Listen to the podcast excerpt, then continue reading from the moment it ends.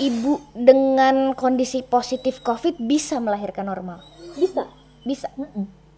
Kalau misalnya ternyata bayinya positif nih, Mm-mm. ternyata begitu di swab si bayi ini juga positif, Mm. Eh, itu isolasinya gimana dok? Kan itu newborn gitu, masih sangat butuh ibunya gitu. Apa yang dilakukan biasanya isolasi Ya. si newborn ini?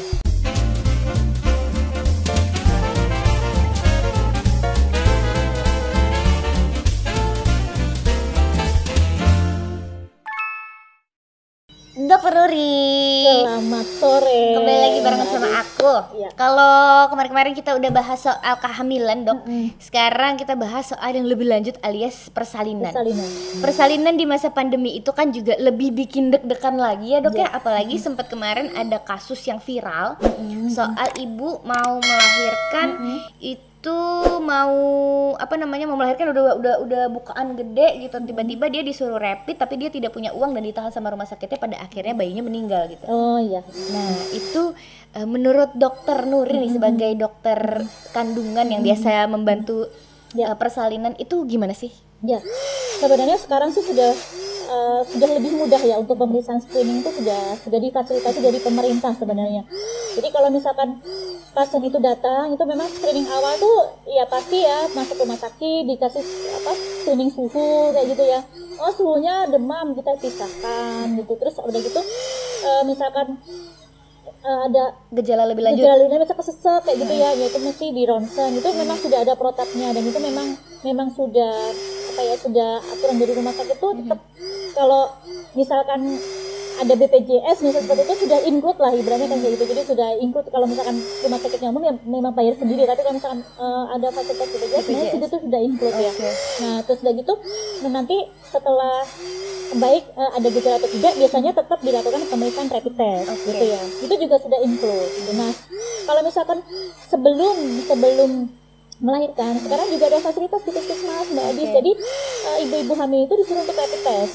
Nah biasa biasanya sih seminggu sebelum persalinan. Oke, kalau misalnya maju ternyata gitu kan dok, misalnya HPL-nya tanggal sekian, itu seminggu sebelumnya, Eh, ya seminggu sebelumnya. Se- seminggu sebelum HPL berarti. ya. Jadi eh, rapid atau swab itu baiknya dilakukan sebelum melahirkan dong ya dok ya, bukan Iya. yang datang hamil gede mau lahiran dada tiba-tiba rapid atau apa gitu. Itu juga sebenarnya bisa seperti itu, tapi eh, berarti baiknya adalah sebelum melahirkan kan dok? Ya sebelum melahirkan. Jadi gini, kalau misalkan ibu itu hamil sebelum melahirkan atau misalkan di usia term lah, biasanya sih kalau saya kadang-kadang pasien udah masuk 37 minggu udah rapid dulu, coba rapid dulu aja supaya itu tadi kalau misalkan rapidnya positif itu masih ada tempat untuk swab. Oke. Nah nanti kalau misalkan ibu yang hamil itu swab, swabnya positif ya otomatis langsung ke rumah sakit rujukan COVID. Nah seandainya teng teng teng teng datang sudah pembukaan 5 misalnya Belum dites enam, gitu. belum belum sempet nih rapid rapid atau dia maju uh, dari HPL-nya harusnya pemeriksaannya 38 minggu dia tuh 37 minggu udah kencang-kencang masuk rumah sakit Ya, kan ternyata Nah, udah misalnya pecah ketuban gitu kan, cakep harus banget, lahir harus kan? harus lahir nah itu dari rumah sakit dilakukan pemeriksaan bukan swab tapi rapid. Karena apa? Walaupun rapid itu tidak se valid the swab tapi kan sebenarnya kita screening awal gitu kan. Kalau misalkan negatif ya sudah. Berarti nanti tidak ada gejala misalkan ya. Itu udah ya sudah rapid uh, untuk screening hanya rapid aja. Nanti terus Melahirkan. melahirkan nah Melahirkannya juga di tempat yang steril ya, seperti Ya. protokol kesehatan seperti biasa ya, meskipun bukan di tempat isolasi gitu ya dok ya? Ya, kalau misalkan tidak ada gejala para COVID atau kalau uh, apa screening awalnya tidak menunjukkan para COVID ya seperti orang ibu hamil biasa aja gitu kan di tempat kamar bersalin biasa aja bukan isolasi. Nah, kalau misalkan dia ternyata tetap tetap buka lima dia positif gitu kan, terus sampai pembukaan lengkap toh tidak bisa dirujuk juga. Setiap rumah sakit sebenarnya punya ruang isolasi khusus Oke. gitu ya.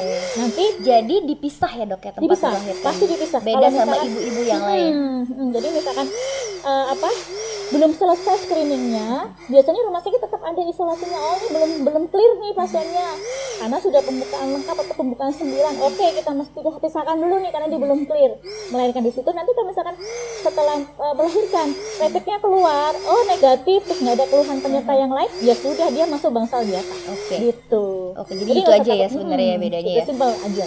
Tinggal pokoknya sekarang sudah bisa dilakukan di mana pun rapid aja Benar. langsung gitu. Dan Bisa. baiknya sebelum melahirkan, sebelum waktunya melahirkan juga berarti dites Ya, dulu. dites dulu. Gitu. Eh, Terus eh di dok, kalau misalnya ya eh, sensitif sedikit mungkin ya. Tapi kalau misalnya ternyata si ibu yang menjelang melahirkan ini dinyatakan positif gitu, Ya. udah jelas positif nih dok nih, itu akan eh, dirujuk berarti, pasti dirujuk. Kalau udah ketahuan dari sebelumnya. Ya, kalau misalkan rapid positif, rapid positif, ibu ini belum ada tanda-tanda persalinan, biasanya disarankan untuk pemeriksaan swab. Karena kan Eh, rapid itu, tadi ya eh, apa tidak seperti sevalid swab lah ya. Oke. Jadi kan dia belum ada keluhan apa-apa. Misalnya saya pernah dapat pasien mau sesar gitu ya, ternyata kok rapidnya positif, otomatis ya udah bu, coba ini dulu aja, swab dulu aja. Swabnya negatif ya sudah, berarti kan aman ini ibu ini kan kita bisa melakukan eh, cek swab cesarea di rumah sakit yang bukan non- bukan Oke. covid. Nah tapi kalau misalkan eh, rapidnya positif, terus Swab swabnya positif, positif. otomatis tidak bisa melahirkan di rumah sakit yang bukan rujukan covid. Oke. Karena apa? Pentingnya begini mbak, rumah sakit rujukan covid itu mempunyai fasilitas tekanan negatif Oke. baik kamar bersalin atau eh, OK atau kamar operasinya dan mereka punya pemisahan eh, ruangan khusus jadi jadi campur. Sehingga sebenarnya kalau misalkan oh, eh, ibu hamil itu melahirkan di rumah sakit yang menerima covid dan non covid sebenarnya itu sudah ada pemisahan gitu. Jadi nggak ada masalah. Oke, jadi baiknya memang dirujuk ke eh, rumah sakit yang khusus gitu Iya, ya dok ya. Setelah melahirkannya juga semua bisa diisolasi dengan baik. Terus bayinya gimana tuh dok?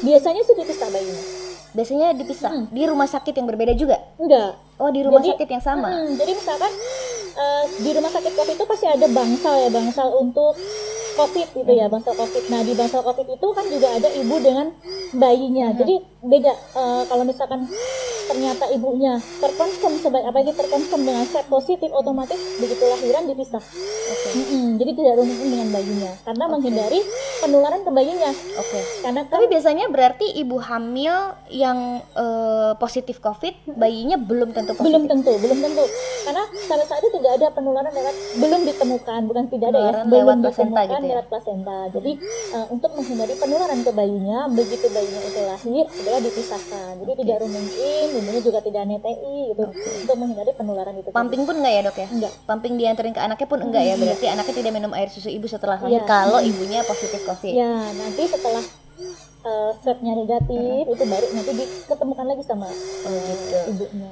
Terus dok, yang aku penasaran juga tuh eh, ibu dengan kondisi positif COVID bisa melahirkan normal? bisa Bisa. Mm-mm.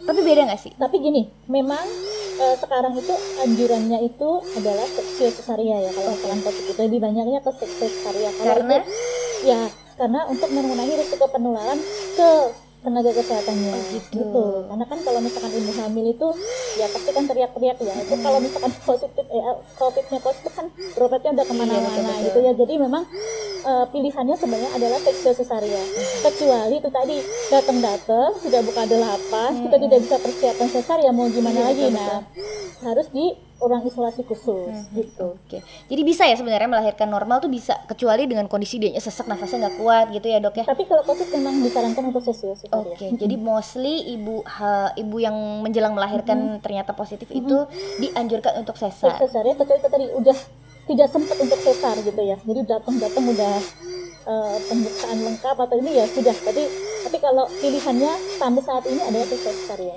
Tapi berarti boleh nggak sih eh, ini eh, di luar apa namanya di luar COVID positif ya? Kalau misalnya di melahirkan di masa pandemi ini dong, Mm.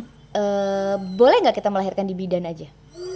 sebenarnya nggak apa-apa Eh, yang penting bidan itu melakukan protokol kesehatan. Nah itu yang penting. Nah dan lagi tidak ada kom- komunikasi khusus selama kehamilan gitu. Semisal seperti ini tidak ada tensi tinggi. Oke. tidak ada diabetes mellitus. Terus tidak ada penyakit tiroid. Terus tidak ada patus macet gitu ya. Terus tidak ada placenta previa. Mhm. tidak ada persalinan sungsang lintang atau kembar. Karena Itu- bidan juga dengan keadaan seperti Nah, itu itu pasti merujuk ke rumah sakit gitu ya dok ya. kan Kadang-kadang tapi kan kadang-kadang nih ada yang insecure gitu. Aku takut banget ke rumah sakit. Soalnya di rumah sakit tuh kayak pasti banyak orang covid deh gitu kan. Pasti ibu hamil kan suka gitu ya. Ternyata eh, itu tadi ya kondisi-kondisi yang harus banget ke rumah sakit itu adalah yang telah diperhatikan. sekarang gini sih mbak Edis ya. Eh, sebenarnya itu ya ada jaminan yang aman ya. Mau Iya sih, di benar rumah juga sih. sakit umum rumah sakit RSUD ke rumah bersalin gitu ya. Kan sekarang OPG sudah di mana-mana ya. Orang tanpa gejala. Jadi mau di mana nih? Mau di rumah sakit umum? Mau di rumah sakit eh, rumah bersalin? RSUD RSUD nggak ada yang bisa menjamin 100% di rumah sakit tersebut Iya, aman benar sih. apalagi Yang aturannya beda-beda sekarang ya dok ya? Iya, yang penting kalau buat eh, dari saya sih yang penting tuh satu ibu tuh memproteksi dengan protokol kesehatan yang benar. Kemudian kita tahu rumah sakit itu malah justru dia melakukan protokol kesehatan nggak? Atau bidan itu melakukan protokol kesehatan nggak? Kalau misalkan enggak, ya bisa aja kan ketularan di bidan apalagi kalau di bidannya tidak, misalnya gini ya, kan kalau misalkan dia terkonfirm sebagai atau curiga sebagai COVID kan harus di ruangan tekanan negatif, ya kan? Supaya apa? Supaya yang nolong aman, pasien-pasien lain juga aman, Iya, gitu. betul. Tapi kalau dia tidak melakukan protokol kesehatan, malah malah menulari kan? Gitu sih sebenarnya. Malah saya sih lebih prefer mau di bidan, mau di rumah sakit atau di mana pun harus sesuai dengan protokol kesehatan. Oke, intinya itu sih ya sebenarnya. Kitanya juga proteksi, tempat yang kita pilih Iya. untuk eh, melahirkan itu juga dilihat dulu nih, kira-kira aman nggak mema- apa pakai protokol kesehatan Yang, yang bener nggak? yang bener nggak Iya. gitu. Kadang-kadang cuma pakai masker aja, pakai APD aja, tapi yang lain-lain nggak dibersihin misalnya gitu ya dok ya. atau mereka tidak rapid itu justru Nah. menurut saya eh, tidak aman ya rumah sakit itu nggak nggak harus rapid kok di sini bisa langsung masuk waduh berarti ini tanpa screening dong rumah sakit tersebut Malah jadi lebih bahaya ya. ya malah lebih berbahaya Iya benar juga. Gitu. Terus ya, dok, misalnya eh, si tadi kan ibu eh, positif misalnya, terus melahirkan jarang ya ditemukan eh, newborn yang benar-benar baru lahir itu positif gitu begitu dicek. Hmm, kalau sampai saat ini ya mungkin ada tapi tidak banyak ya Oke. tidak banyak karena memang itu tadi eh, sampai saat ini tidak ada menularkan pasiennya jadi kalau tertularnya itu biasanya kan kalau dia sudah ibunya sudah melakukan pelekatan karena kan droplet kalau misalnya cuma lahir lahir gitu aja kan dia tidak memberikan droplet ke bayinya ya. Jadi sampai saat ini sih kalau langsung seperti itu enggak ya. Terus eh, berarti bayi bayi begitu lahir gitu ya doknya dipisahkan dari ibunya itu dicek juga? Ya langsung di swab ya dok? biasanya langsung di swab sama eh, dokternya langsung di swab terus langsung dipisahkan gitu kan. Terus eh, kalau misalnya ternyata bayinya positif nih, ternyata begitu di swab si bayi ini juga positif, Eh, itu isolasinya gimana dok? Kan itu newborn gitu masih sangat butuh ibunya gitu. Apa yang dilakukan biasanya isolasi Ya. si newborn ini? Kalau newborn itu kan tetap ada ya kita tetap perlakuan seperti newborn yang lain tapi dia ber- berbeda tempat ya Oke. kalau misalkan si newborn ini dia tanpa gangguan nafas misalkan ya sudah berarti kan dia kamar bayi isolasi tapi kalau dia dengan gangguan nafas dia berarti masuk ke NICU Oke. dia pakai alat bantu nafas ya kita bikinkan NICU yang NICU khusus untuk isolasi Bayi. pasien eh, bayi COVID gitu. Oke. biasanya kalau misalkan ibunya memang terkonfirm sebagai eh, COVID itu ya atau swab positif atau rapid positif biasanya bayinya juga akan di swab. Oke. kalau bayinya ada apa ada kecurigaan ke arah sana eh, dia observasi dulu ya. Kalau tidak ada gangguan nafas biasanya ya udah kamar bayi biasa. Tetap ya ada treatment khusus pasti ya. Mungkin dikasih dari dokter anak memberikan treatment khusus untuk membuat imunitasnya Oke. tinggi gitu ya. Nah tapi nanti kalau misalkan ternyata dia ada gangguan nafas ya otomatis pasti di apa namanya di eh, lakukan tindakan sesuai dengan gangguan nafasnya itu. Biasa kan sesek ya nanti dikasih ventilator atau dikasih double CPAP gitu. Oh gitu. Terus eh, diisolasinya sama ibunya nggak sih? enggak. Kalau kalau di isolasinya tidak dengan ibunya. Oke.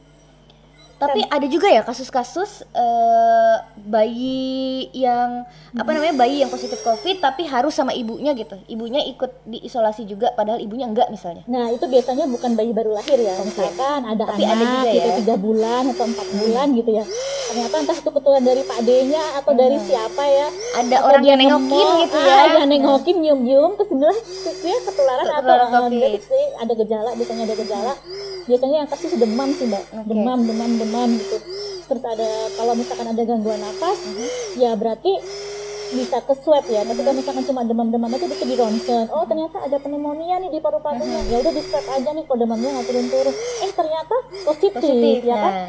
nah ini tergantung nih siapa yang mau nemenin kalau misalkan ibunya sehat-sehat aja biasanya ibunya akan diisolasi bersama dengan bayinya Jadi diisolasi berdua nih. berdua sama bayinya Kemungkinan ibunya positif juga bisa ya dok ya. Iya bisa, bisa positif bisa negatif kan Oke. si bayi ini bisa ketularan dari siapa aja ya gitu kan. Kalau misalkan eh, apa berun ada sih kasus yang ternyata itu bayinya aja ibunya sehat. Ibunya enggak, ya, itu dia Enggak, ibunya kan tapi Tapi ibunya bisa dong ketularan dari si bisa bayinya. bisa tapi Iya kan kan? ibunya tetap dilakukan pemeriksaan juga jadi nanti kalau kan ada kontrol setnya ya jadi misalkan oh hari ini setnya si bayi ini positif berarti kan diulang biasanya dua kali eh, ulangan swab ya. Nah nanti ibunya juga ikutan di swab gitu. Terus kalau misalnya yang terjadi adalah si anak positif, si ibu oh, sebenarnya harus nemenin misalnya masih Ya. ASI eksklusif segala macam, belum eh, bisa ditinggal gitu ya. Terus i- ibunya punya penyakit bawaan, sementara COVID itu kan berbahaya untuk orang-orang yang ya. punya mm, Hmm, penyakit bawaan ya. seperti misalnya si ibu ini punya asma gitu. Mm. Itu gimana tuh dok? Diabetes Isolasinya gitu ya? nggak bisa bareng dong dok? Ya, nah itu bisa dikasih pilihan ya, pilihan ke keluarganya gitu kan. Soalnya kalau misalkan memang ibunya memasakkan itu kan ibunya berisiko untuk tertular COVID, betul. sedangkan ibunya mempunyai komorbid gitu ya. Mungkin didelegasikan ke yang lain Oke. seperti ayahnya atau Eyangnya adik. gitu ya. Kalau eyang- eyangnya jangan sih, udah tua ya, nggak dok. boleh. Bener-bener. Ah, ya, jadi siapa saudaranya yang eh, kira-kira aman lah, dia tidak punya komorbid karena dia otomatis berisiko besar untuk tertular gitu. Oke, berarti biasanya digantikan gitu ya Iya. dok ya? Itu selama dua minggu biasanya. Sama biasanya gini sampai swabnya negatif sih. Mostly berapa lama tuh dok? Enggak tentu ya. Oh gitu beda-beda ya? Enggak, tentu. Misalkan kadang swab pertama dia positif, swab kedua dia positif, berarti kan kita sampai negatif ya. Kalau misalkan sudah negatif ya sudah. Swab itu dilakukan berarti berapa eh, lama sekali sih dok? Karena swab kan hasilnya lama ya? Ya, hasilnya lama.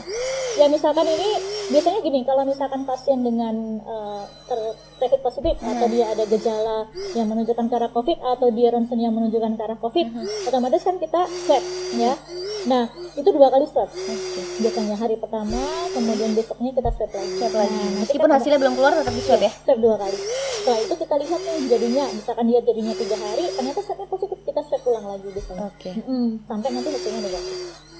Oh gitu. Jadi juga berkali-kali yang- gitu ya dok? Ah, ada juga yang cuma dua minggu selesai, ada juga yang sampai satu bulan selesai. Jadi ya sampai negatif. Oh gitu. Jadi benar-benar ketika swabnya negatif baru bisa Ya, dipulangkan gitu ya? ruang isolasi. Oke, kasihan juga ya kalau bayi kena swab Iya. ya ampun. Nauzubillah mudah-mudahan jauh ya dengan Udah swab, gitu-gitu. Mbak? Belum. Oh, belum. Takut Jangan. banget, Jangan, takut ya. banget. Iya, karena aku tidak ada belum pernah ada gejala, Iya. belum pernah ada orang dekat yang tertular juga sih, Dok. Jadi sampai sekarang belum pernah yang namanya swab. Tapi ya mungkin kapan-kapan pengen sih. pengen nyoba gitu karena kepo juga kadang-kadang mungkin aku OTG gitu kan. Terus Atau gimana sih rasanya? Iya gitu. gimana rasanya Sakit ya dok kayaknya dimasukin Iya. gitu kan Banyak soalnya aku lihat video-video yang disuruh Aduh that hurts gitu kan Iya. Kadang-kadang Tapi penasaran sih Pengen tahu juga rasanya Terus kalau misalnya tenaga medis itu sudah pasti di swab terus ya dok ya? Hmm, ya, ada di swab ada rapid. Biasanya kalau kontak ya. Oh gitu Kalau kontak atau ada gejala ya Rutin ya? rutin. Karena kadang-kadang swab itu juga ada sih swab mandiri ya, swab Hmm. mandiri gitu, pengen pengen aja kalau dulu kan susah ya kita mau swab susah dia saya rapid rapid aja. Saya juga beberapa kali di rapid hasilnya negatif ya udah gitu. Iya berarti aku nggak insecure ngobrol sama dokter Terus ya dok Soal ditemenin sama keluarga Itu kan kadang kan kalau misalnya secara normal Maksudnya kondisi normal tidak pandemi kan Kita mau ditemenin sama suami misalnya Mau ditemenin sama Adenya, ibu gitu. Mm-mm. Mertuanya. Gitu. banyak banget dok. Rame itu ruang lahiran ya. Boleh gak sih dok? Selama pandemi ini kita nggak boleh. Oh sama sekali nggak boleh ya? ya enggak. Kalau misalkan pendamping itu satu gitu ya. Jadi harus ditentukan. Makanya kalau saya sih trimester ketiga itu ibu hamilnya harus sudah memplanning ya. Oke. siapa sih Pengen yang siapa? ah, yang mau menemani dia persalinan? Siapa dokternya? Siapa tempat bersalinnya itu memang saya sih selalu ber, eh, apa menyarankan trimester ketiga ayo bu Udah udah, tahu jangan ya. ke mana-mana shopping shopping ke mana-mana ya. Udah hadir tas termasuk siapa yang akan menemani nanti dia akan melahirkan gitu kan. Karena memang tidak boleh karena intinya kan tidak boleh ada kerumunan gitu ya. betul. kalau misalkan satu orang lima nih Pak D, Bude, Eyang, mertua, ponakan, ya Itu kan? lahiran apa apa? Ulang tahun kayaknya ya. ya kan? Satu orang lima, di situ ada tiga pasien, itu di lima belas, ya kan? Nah, berarti nanti kan ada penumpukan di situ, jadi tidak bisa social distancing, Iya, betul, betul. ada kerumunan, jadi resikonya juga akan besar ke pasiennya sendiri, pasien lain dan tenaga medis yang ada di situ. Tapi berarti masih boleh asal satu gitu ya Ya, dok? harus salah satu. Dan si pendamping melahirkan itu apakah dites juga? Enggak, Nggak harus dites juga? harus pakai masker aja. Oke, jadi coba pakai masker aja mungkin nggak boleh nyentuh siapa-siapa juga kali ya dok ya? ya sebenarnya kan ya itu tadi sebalik lagi penularan kan lewat droplet ya mbak ya Mhm. kalau misalkan eh, kita pakai masker depan kita pakai masker sono pakai masker orang yang berhadapan kita pakai masker. Itu at least kan sudah mengurangi penularan. Iya itu kan penularannya bisa sampai 10 eh, cuma sampai 10 persen kan. Nah tapi kalau misalkan tidak ada yang pakai masker di situ jangan crowded banyak orang tadi yang 15 orang itu ya satu kampung men- ya, nah itu kan jadinya akan membuat eh, jadi risiko, penularannya lebih iya, tinggi. iya, oke. Terus pertanyaanku yang paling penting dari eh, apa namanya? Dari semua ini ya dari dari percakapan kita kali ini adalah apakah ibu melahirkan pakai masker? Aku tuh ngebayanginnya orang kita melahirkan nggak pakai masker aja udah eh, ngatur nafas gitu kan ya dok ya? Apalagi pakai masker gitu. Apakah harus pakai masker? Ya, sebenarnya disarankannya iya. Oke. Cuman memang ada juga sih rumah sakit yang mempunyai chamber khusus Oke. untuk eh, eh, jadi ada kotakan gitu ya, eh, dibikin agak tinggi dari gitu ya. bagian perut sampai Dari atas gitu bagian ya? perut ke atas itu antara jarak jaraknya chambernya itu juga ada ada jarak lah ya supaya nanti tidak ngap juga di sini. Oke, dan visible ya dok ya Iya. bening Mending, Oke. mending. ah. Nah, itu bagus karena mengurangi risiko penularan terhadap eh, si tenaga medisnya. Tapi via kalau droplet misalnya- ya dok ya Hmm. Kan otomatis kan pasti teriak dong, nggak mungkin kalau ibu hamil diem-diem aja kan. aku diem loh dok Oh diem ya? diem aku diem teriak cuma pas pas digunting doang Oh digunting doang ya. itu baru teriak Tapi mostly kan masih dia kan iya kan aduh teriak ah, gitu ya kan dia gitu. Jangan kan pada saat uh, mau melahirkan pembukaan 8 juga udah teriak-teriak kan. Iya sih, benar. Nah itu salah satu uh, apa namanya caranya itu dengan itu tadi chamber, ibunya pakai masker. Kalau misalkan ibunya tidak pakai masker, terus chambernya nggak ada, biasanya pas uh, apa uh, penolong pesertanya dokter bidan itu biasanya pakai APD level 3 jadi mengurangi risiko penularan. oke Uh, uh, jadi masker N95 itu wajib, Mhm. sama tes itu juga iya gitu. Jadi untuk mengurangi uh, risiko penularan. Oke. Kalau misalkan memang itu tadi tapi kalau misalkan nah kalau misalkan covid itu memang harus di tekanan negatif mbak jadi khusus khusus untuk uh, apa persalinannya. Oke. gitu. Jadi yang yang ada uh, namanya tekanan negatif. Jadi tuh uh, menekan virusnya itu supaya tidak jatuhnya tidak ke mana-mana gitu. Emang ada treatment khusus berarti ya dok Iya. ya untuk ibu-ibu melahirkan yang eh, positif covid. Terus dok kalau misalnya tadi ibunya pas melahirkan pakai masker apa enggak? Sekarang aku mau nanya anak bayinya setelah lahir pakai masker nggak dok? ya enggak sih. Enggak ya? enggak karena kan juga eh, dan kan kita sudah sudah men-screening dari ibunya kan. Jadi kalau misalkan ibunya memang tidak covid otomatis bayinya juga tidak covid jadi tidak perlu pakai masker. Tidak perlu pakai face shield juga sebenarnya. Karena bayi itu sebenarnya itu masih aman ya untuk untuk tertular asalkan dia memang benar-benar dipisahkan gitu ya. Dan tidak punya penyakit bawaan juga ya dok ya anak anak kalau anak bayi kan jarang juga punya penyakit bawaan. Kalau bayi newborn kan otomatis ya ya memang ada. Tapi kan kelainan komunitas apa segala macam itu kan sudah ter, screening dari Bisa kehamilan terdeteksi ya gitu Hmm, ya, jadi rata-rata kita anggap ya. Bayi lahirnya yang baik-baik aja normal-normal aja. Kalau bayi sehat kan otomatis dia yang nangis apa Iya, aktif betul, gitu ya. betul. jadi mau gabung sama romin sama eh, di KBBL atau kamar bayi bayi lahir atau di romin sama ibunya tidak ada masalah. Jadi tidak perlu memakai masker nanti bayi itu kalau pakai masker gimana ya? Bisa sesak juga ya. Iya, kasihan. terus kadang-kadang tangannya nanti dia eh, apa ya nutupin malah, Iya, iya. eh, malah jadi berbahaya nanti maskernya naik ke muka bla bla Iya, gitu. Jadi malah, malah jadi enggak enggak aman lah. Enggak, Iya, enggak perlu betul. juga sih. Aku juga pernah eh, baca gitu ya kalau nggak salah ada salah satu postingan yang bilang kalau misalnya baiknya anak usia di bawah 2 tahun itu jangan dipakein masker dulu karena katanya saluran pernafasannya masih kecil gitu dok. mungkin dilindungi di- dengan cara yang lain misalnya bisa pakai face shield atau mendingan nggak usah dibawa ke mana-mana dulu iya gitu. anteng aja di rumah lebih baiknya seperti itu ya dok ya. tapi kalau kayak kondisi di rumah sakit ternyata anak juga tidak perlu pakai masker terus nih dok eh, persiapan melahirkan untuk meredak meredakan ketakutan jadi maksudnya eh, selain supaya aman gimana sih iya gimana sih Gitu supaya ya. aman supaya Hmm. nggak nggak ada ketakutan buat lahiran di rumah sakit Rumah atau di sakit, gitu. tempat-tempat bersalin gitu Mhm. ya ya itu tadi yang pasti eh, kita harus memproteksi diri dulu nih memprotek kalau ibu hamil itu sudah mau mau melahirkan sudah mendekati HPL itu kalau bisa sih di rumah aja. Tidak perlu ketemu sama orang-orang. Kalau tidak penting tidak boleh keluar rumah. Tidak perlu ketemu dengan orang sakit juga gitu kan. Menghindari ketemu dengan orang yang eh, lagi sakit gitu ya. Karena dia imunnya kan rendah dan dia persiapan untuk eh, persalinan. Kemudian kalau memang terpaksa harus dia harus keluar rumah berarti dia harus memakai protokol kesehatan. Jadi memakai masker dengan benar mencuci tangan terus menjaga jarak dengan orang. Nah terus kemudian eh, memilih rumah sakit yang sesuai dengan ini trimester ketiga udah tahu nih aku mau melahirkan di rumah sakit A ini. Jadi udah ada rumah rasa nyaman A, gitu ya, Dok, ya? rumah sakit A itu oh ini protokol kesehatannya baik. Dia tuh ada screeningnya terus ada gitu ada di mana-mana apa namanya hand sanitizer di mana-mana.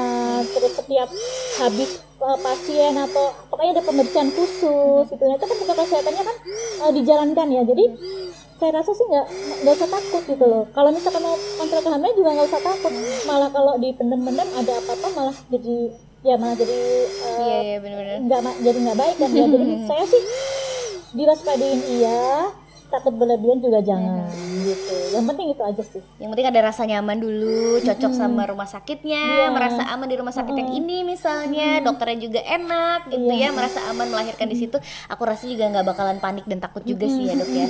Terus dok ada lagi yang mau disampaikan soal melahirkan atau bersalin di masa pandemi dok, yang harus banget ibu-ibu hamil tahu gitu. Iya. Jadi yang penting itu tadi ya protokol kesehatan harus benar-benar jalan untuk proteksi diri. Terus meningkatkan imun gitu ya. Terus memilih rumah sakit yang mempunyai protokol kesehatan yang baik, yang benar. Terus udah gitu mendekati persalinan ya udah- udahlah di rumah aja mempersiapkan diri Eh, eh, terus ini lagi? Mempersiapkan diri include mem- mencari ilmu gitu ya Iya, dok ya. Kayaknya menurut aku tuh kayak perlu banget tahu yang kayak gini-gini. Maksudnya eh, harus seperti apa apa yang harus dilakukan Iya, apa yang betul. harus disiapkan gitu. Kayak misalnya eh, kalau misalnya ada keluarga yang harus ikut oh mungkin harus pakai APD di rumah sakit yang ini gitu. Ternyata oke berarti siapin APD dulu. Jadi Iya. nggak ribet pas hari H gitu kayaknya Nah betul, jadi uh, uh, oh tahu nih, aku mau melahirkan di rumah sakit ini nih. Oh dia ada screeningnya seperti ini seperti ini ya. Berarti kan kita menyiapkan kan, harus menyiapkan oh, harus harus harus pemeriksaan rapid nih, harus swab nih. Oh jadi kita juga men- menyiapkan biaya juga mungkin ya, gitu kan kalau misalkan eh, di rumah sakit itu melahirkan di rumah sakit yang butuh kenyamanan yang tidak bisa dengan asuransi misalkan ya. Berarti kan butuh dana khusus untuk eh, untuk screening. Iya, Nah itu, betul, itu aja betul. sih. Jadi nggak tidak takut. akan terjadi seperti yang sudah terjadi kemarin itu ya, yang ada ibu hamil yang segera melahirkan disuruh rapid, terus eh, ternyata dia tidak punya uang untuk rapid, pada akhirnya bayinya meninggal di dalam sebelum lahir gitu. Nah, Jadi ya itu sebenarnya kalau sekarang untuk screening saya rasa sih dari pemerintah juga sudah memfasilitasi mau di puskesmas juga ada kok. Jadi nggak perlu takut sih, nggak perlu takut ke rumah sakit, waspada iya, hanya menjaga proteksi diri aja dengan eh, melakukan kesehatan itu sudah cukup. Oke, terima kasih banyak Dokter Sama-sama. Nuri. Semoga aku doain buat ibu-ibu hamil, ibu-ibu yang mau melahirkan sehat-sehat, aman dari COVID, semuanya asalkan bisa mematuhi protokol kesehatan. Makasih dokter. Sama-sama. Sampai jumpa di Mamstock episode berikutnya. Oke.